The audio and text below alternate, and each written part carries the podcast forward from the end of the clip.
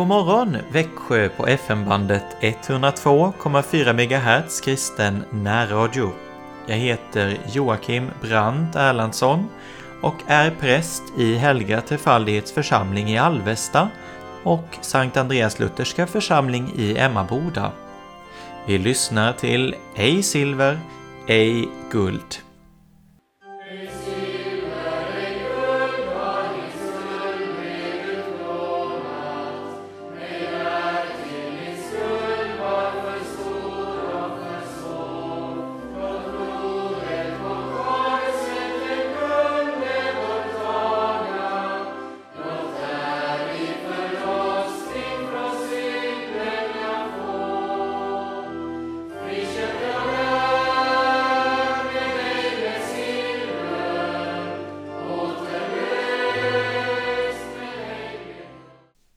Vi inleder med att läsa ur boken Jesus vårt enda hopp av Wilhelm Busch.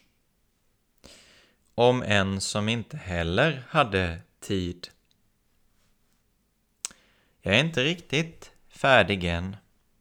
Nu ska jag berätta om en man som inte heller hade tid. Han finns i Nya testamentet. Han var en stor man, en romersk landshövding. Felix hette han. Ett underbart namn. Felix betyder nämligen den lycklige. Han hade en fru som hette Drusilla och han hade en fånge som hette Paulus. En dag, just då hade han gott om tid, säger han, vi ska förhöra den där Paulus lite. Du får följa med mig, Drusilla. Och så går de in i rättssalen. De sätter sig med överlägsna miner. Till höger och till vänster om dem står legionärerna. Så förs fången in. Säg mig, Paulus, varför sitter du här? säger Felix till fången. Och så börjar Paulus sitt väldiga tal. Så skulle också jag vilja kunna tala, det blir allt allvarligare. På en gång är den levande guden i salen. Paulus talar om den rättvisa som en domare måste döma efter. Det går rakt in i Felix hjärta. Han tänker på alla de skumma mutförsöken och Paulus talar om ett rent samvete. Då ramlar Drusilla nästan av stolen. Från vilket århundrade är han egentligen, tänker hon.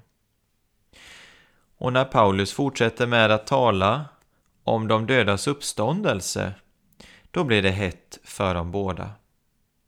Och sedan talar Paulus om Guds dom, om risken att gå förlorad. Då hoppar Felix upp och säger Ett ögonblick, Paulus. Det låter ju riktigt bra det där som du säger. Du har säkert rätt. När jag får tid ska jag kalla på dig, men nu har jag inte tid. Och så låter han föra bort honom. Han fick aldrig mer tid. Och jag är rädd för att om vi inte har tid att låta Gud tala till oss om rättfärdighet och om ett rent samvete inför hans dom, då sitter vi i samma sits som Felix. Visst är det obehagligt att behöva konfronteras med Guds verklighet. Då fördjupar vi oss hellre i en film eller slår på TVn. I vilket fall som helst stannar vi hellre i den miljö som inte oroar oss. Och så förblir allt vid det gamla. Är det inte förfärligt om man måste säga om ett liv allt förblev vid det gamla, alltid. Guds son har kommit och säger Se, jag gör allting nytt. Jag förlåter det förflutna. Jag har genom min död köpt dig in i Guds rike. Jag ger dig den heliga Ande för att du ska bli en ny människa. Och så säger vi Åh nej, och allt förblir alltid vid det gamla. Ack min vän, jag önskar så att det förhåller sig annorlunda med dig. Jag önskar dig det mest underbara som finns, att inte allt förblir vid det gamla, utan att allting blir nytt för dig genom Jesus. Jesus var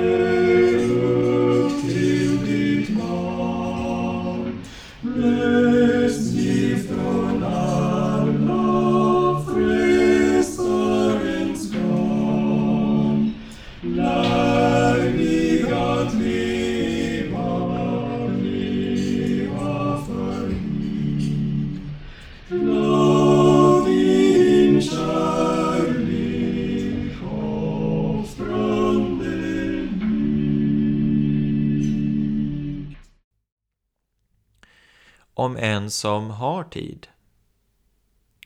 Till sist vill jag säga något mycket viktigt.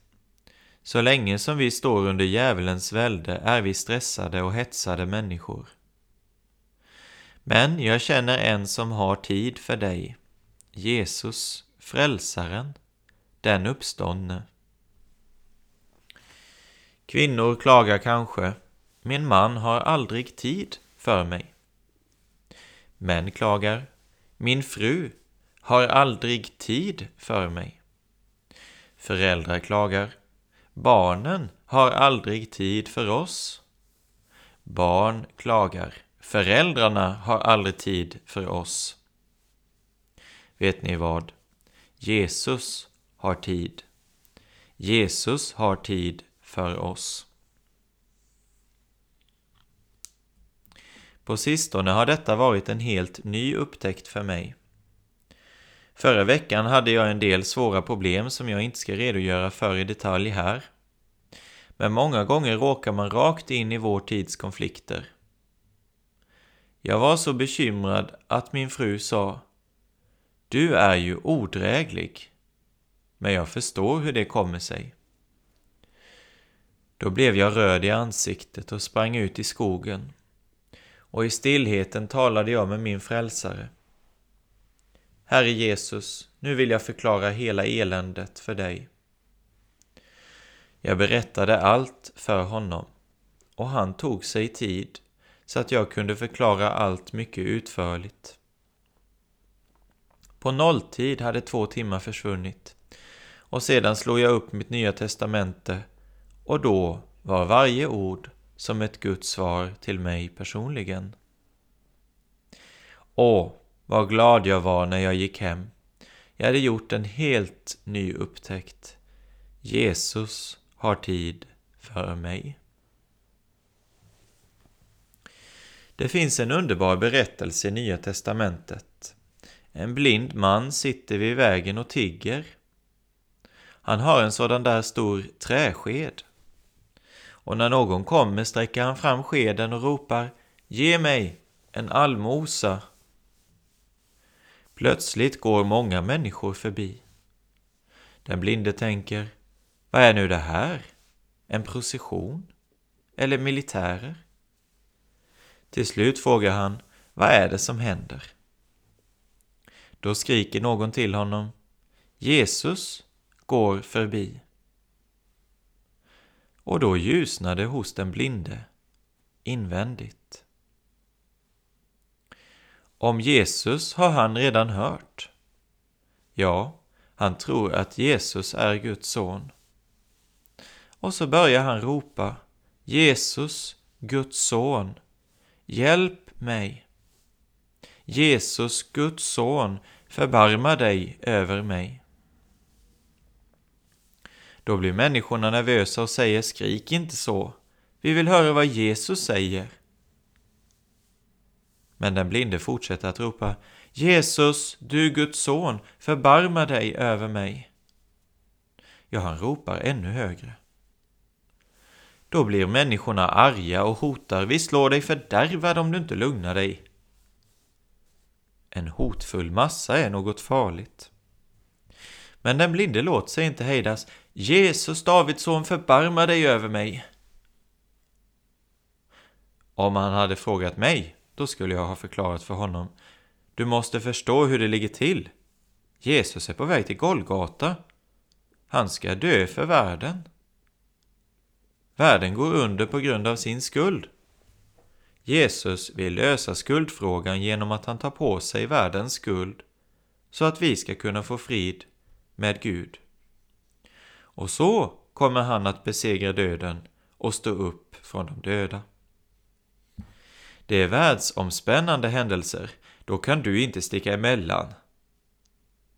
Men den blinde ropar så högt han kan Jesus, Davidsson, förbarma dig över mig. Och så kom ett av de skönaste orden i Nya testamentet. Då stannade Jesus.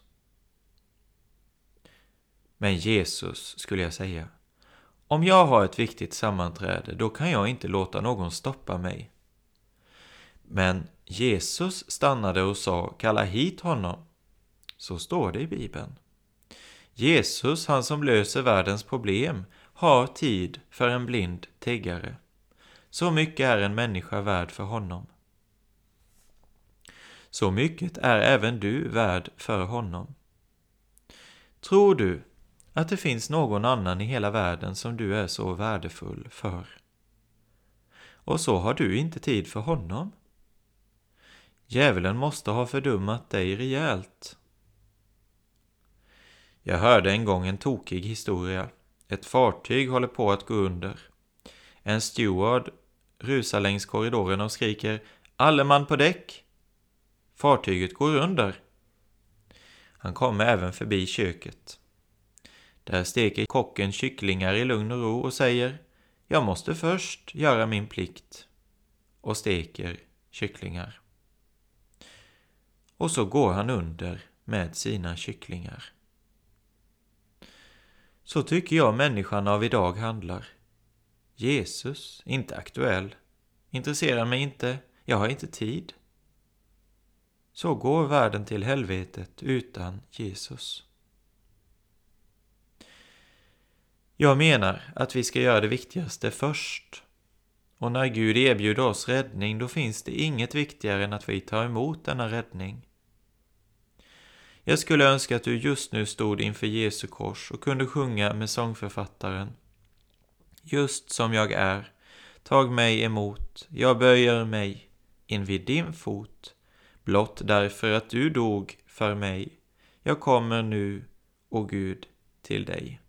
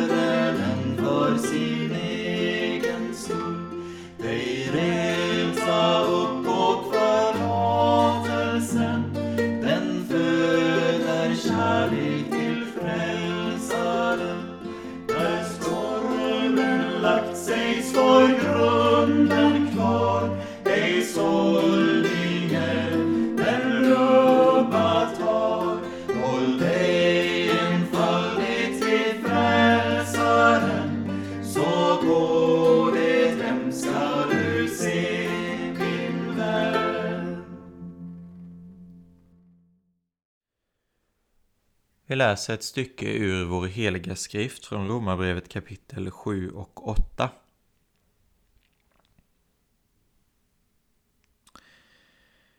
Alltså är lagen helig och budordet heligt, rätt och gott. Har då det som är gott blivit min död? Nej, visst inte. Men synden har blivit det, för att den skulle framstå som synd. Genom det som är gott åstadkom den min död. Så skulle synden genom budordet framstå som i högsta grad syndig. Vi vet att lagen är andlig, men själv är jag kötslig, såld till slav under synden. Ty jag kan inte fatta att jag handlar som jag gör. Det jag vill, det gör jag inte, men det jag hatar, det gör jag. Om jag nu gör det jag inte vill, samtycker jag till lagen och säger att den är god. Men då är det inte längre jag som gör det, utan synden som bor i mig. Ty jag vet att i mig, det vill säga i mitt kött, bor inte något gott. Viljan finns hos mig, men att göra det goda förmår jag inte. Ja, det goda som jag vill gör jag inte, men det onda som jag inte vill, det gör jag. Men om jag gör det jag inte vill, då är det inte längre jag som gör det, utan synden som bor i mig. Jag finner alltså den lagen. Jag vill göra det goda, men det onda finns hos mig.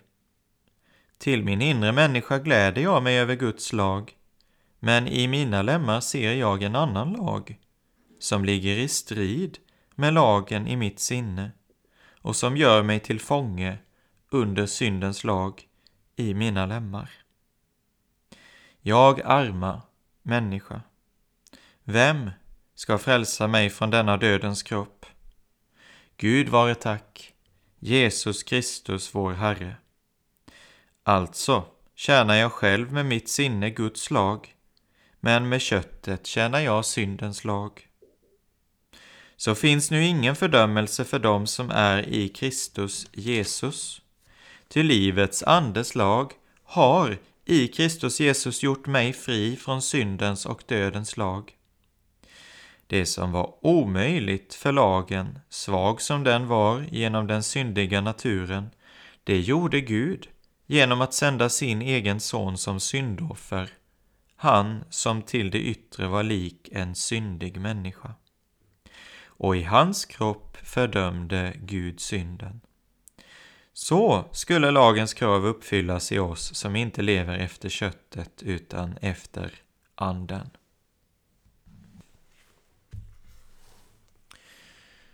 Så läser jag ur andaktsboken Ett är nödvändigt av Hans-Erik Nissen. För den 13 januari. Så finns nu ingen fördömelse för dem som är i Kristus Jesus. Detta är en av de mest välkända verserna i Bibeln och det på goda grunder. Lycklig är du som har kastat ankare i denna vers. Det ankarfästet håller i alla stormar. Ett Guds barn upplever många anklagelser i sitt kristenliv. Ja, för många blir deras misslyckade kristendom en börda som de dignar under. De vet mycket väl hur de borde vara som kristna. De har också kämpat för att bli helhjärtade, glada och offervilliga, men det vill aldrig lyckas. Anden är villig, men köttet är svagt. Ja, i den gamla människan bor mycket ont som man inte får bukt med. Har du tänkt på att Romarbrevet kapitel 8, vers 1 är skrivet av en människa som hade slitit sig till döds i denna kamp? I kapitel 7 för Paulus oss in i kampen mellan den gamla och den nya människan. Det är skakande att läsa vad han skriver. Han hade erfarit att det onda ligger närmast till hans. Det goda som han vill gör han inte. Däremot gör han det onda som han inte vill. I sin förtvivlan ropar han Vem skall frälsa mig från denna dödens kropp? Du är alltså inte den första som har upplevt att kampen för att bli en lyckad kristen är hopplös. Men det finns hjälp i ordet, så finns nu ingen fördömelse för dem som är i Kristus Jesus. Här fann Paulus vila. Detsamma har otaliga kristna gjort. Det är möjligt att andra fördömer dig, men är du i Jesus har du en som inte fördömer dig. Han är domaren vid den allra högsta domstolen. Han frikänner dig. Guds frikännande dom har sin grund i att han har dömt en annan i ditt ställe. Han lät domen drabba sin älskade son. Genom att lägga alla dina synder på hans skuldror gjorde han honom till en förbannelse. Därför finns ingen fördömelse för dig. Du är fri i kraft av Jesu gärning. Du är rik mitt i din fattigdom. Du äger allt i Jesus Kristus så finns nu ingen fördömelse för dem som är i Kristus Jesus.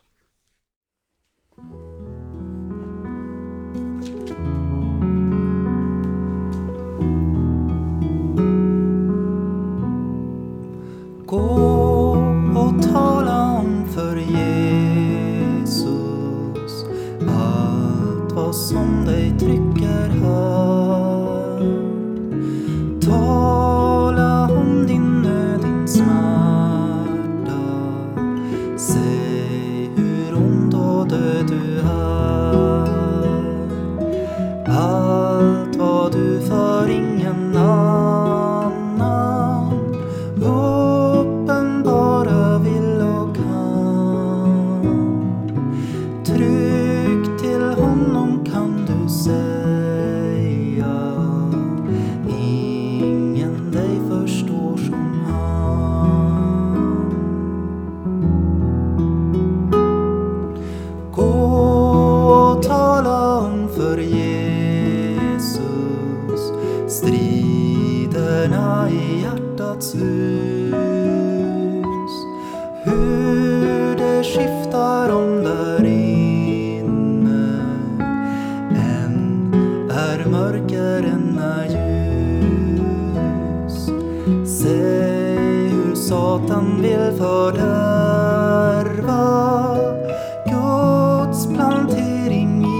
i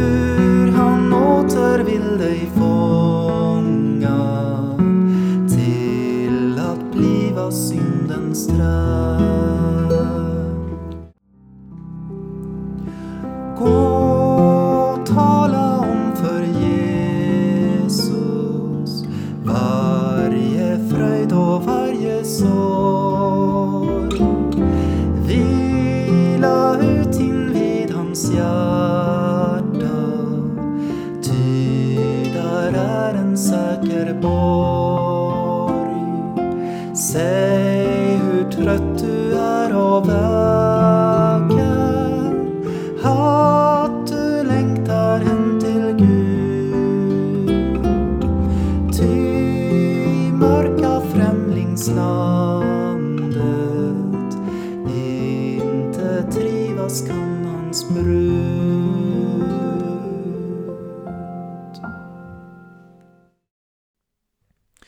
Jag läser ur boken Livets segerkrans av Hans-Erik Nissen.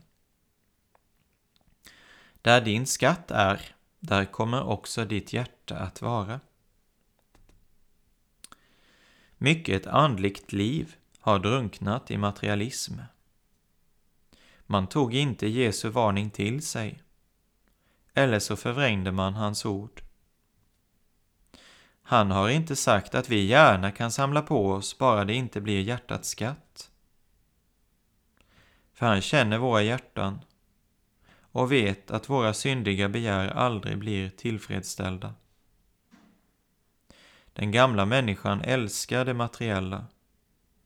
Du får aldrig nog.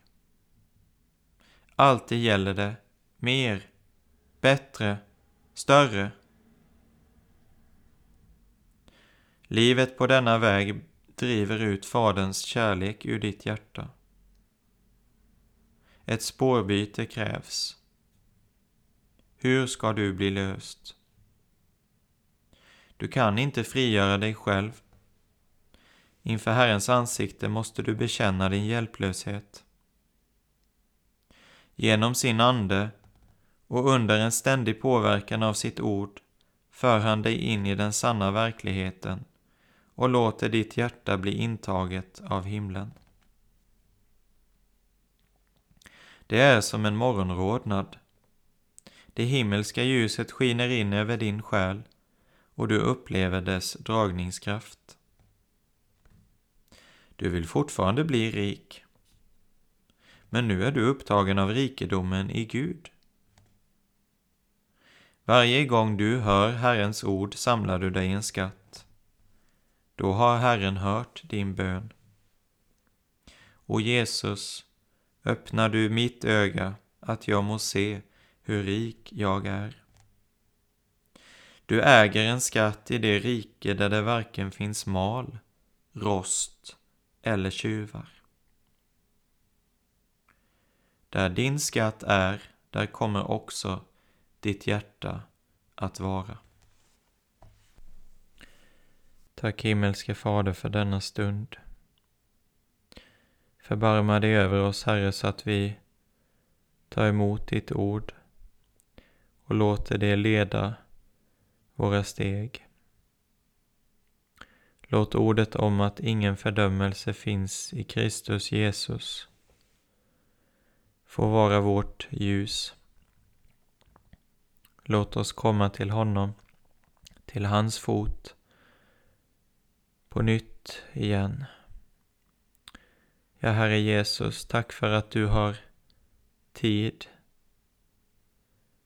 att du vill lyssna och hjälpa oss, Herre. Att du vill tala till oss att så finns nu ingen fördömelse för dem som är i dig. Amen.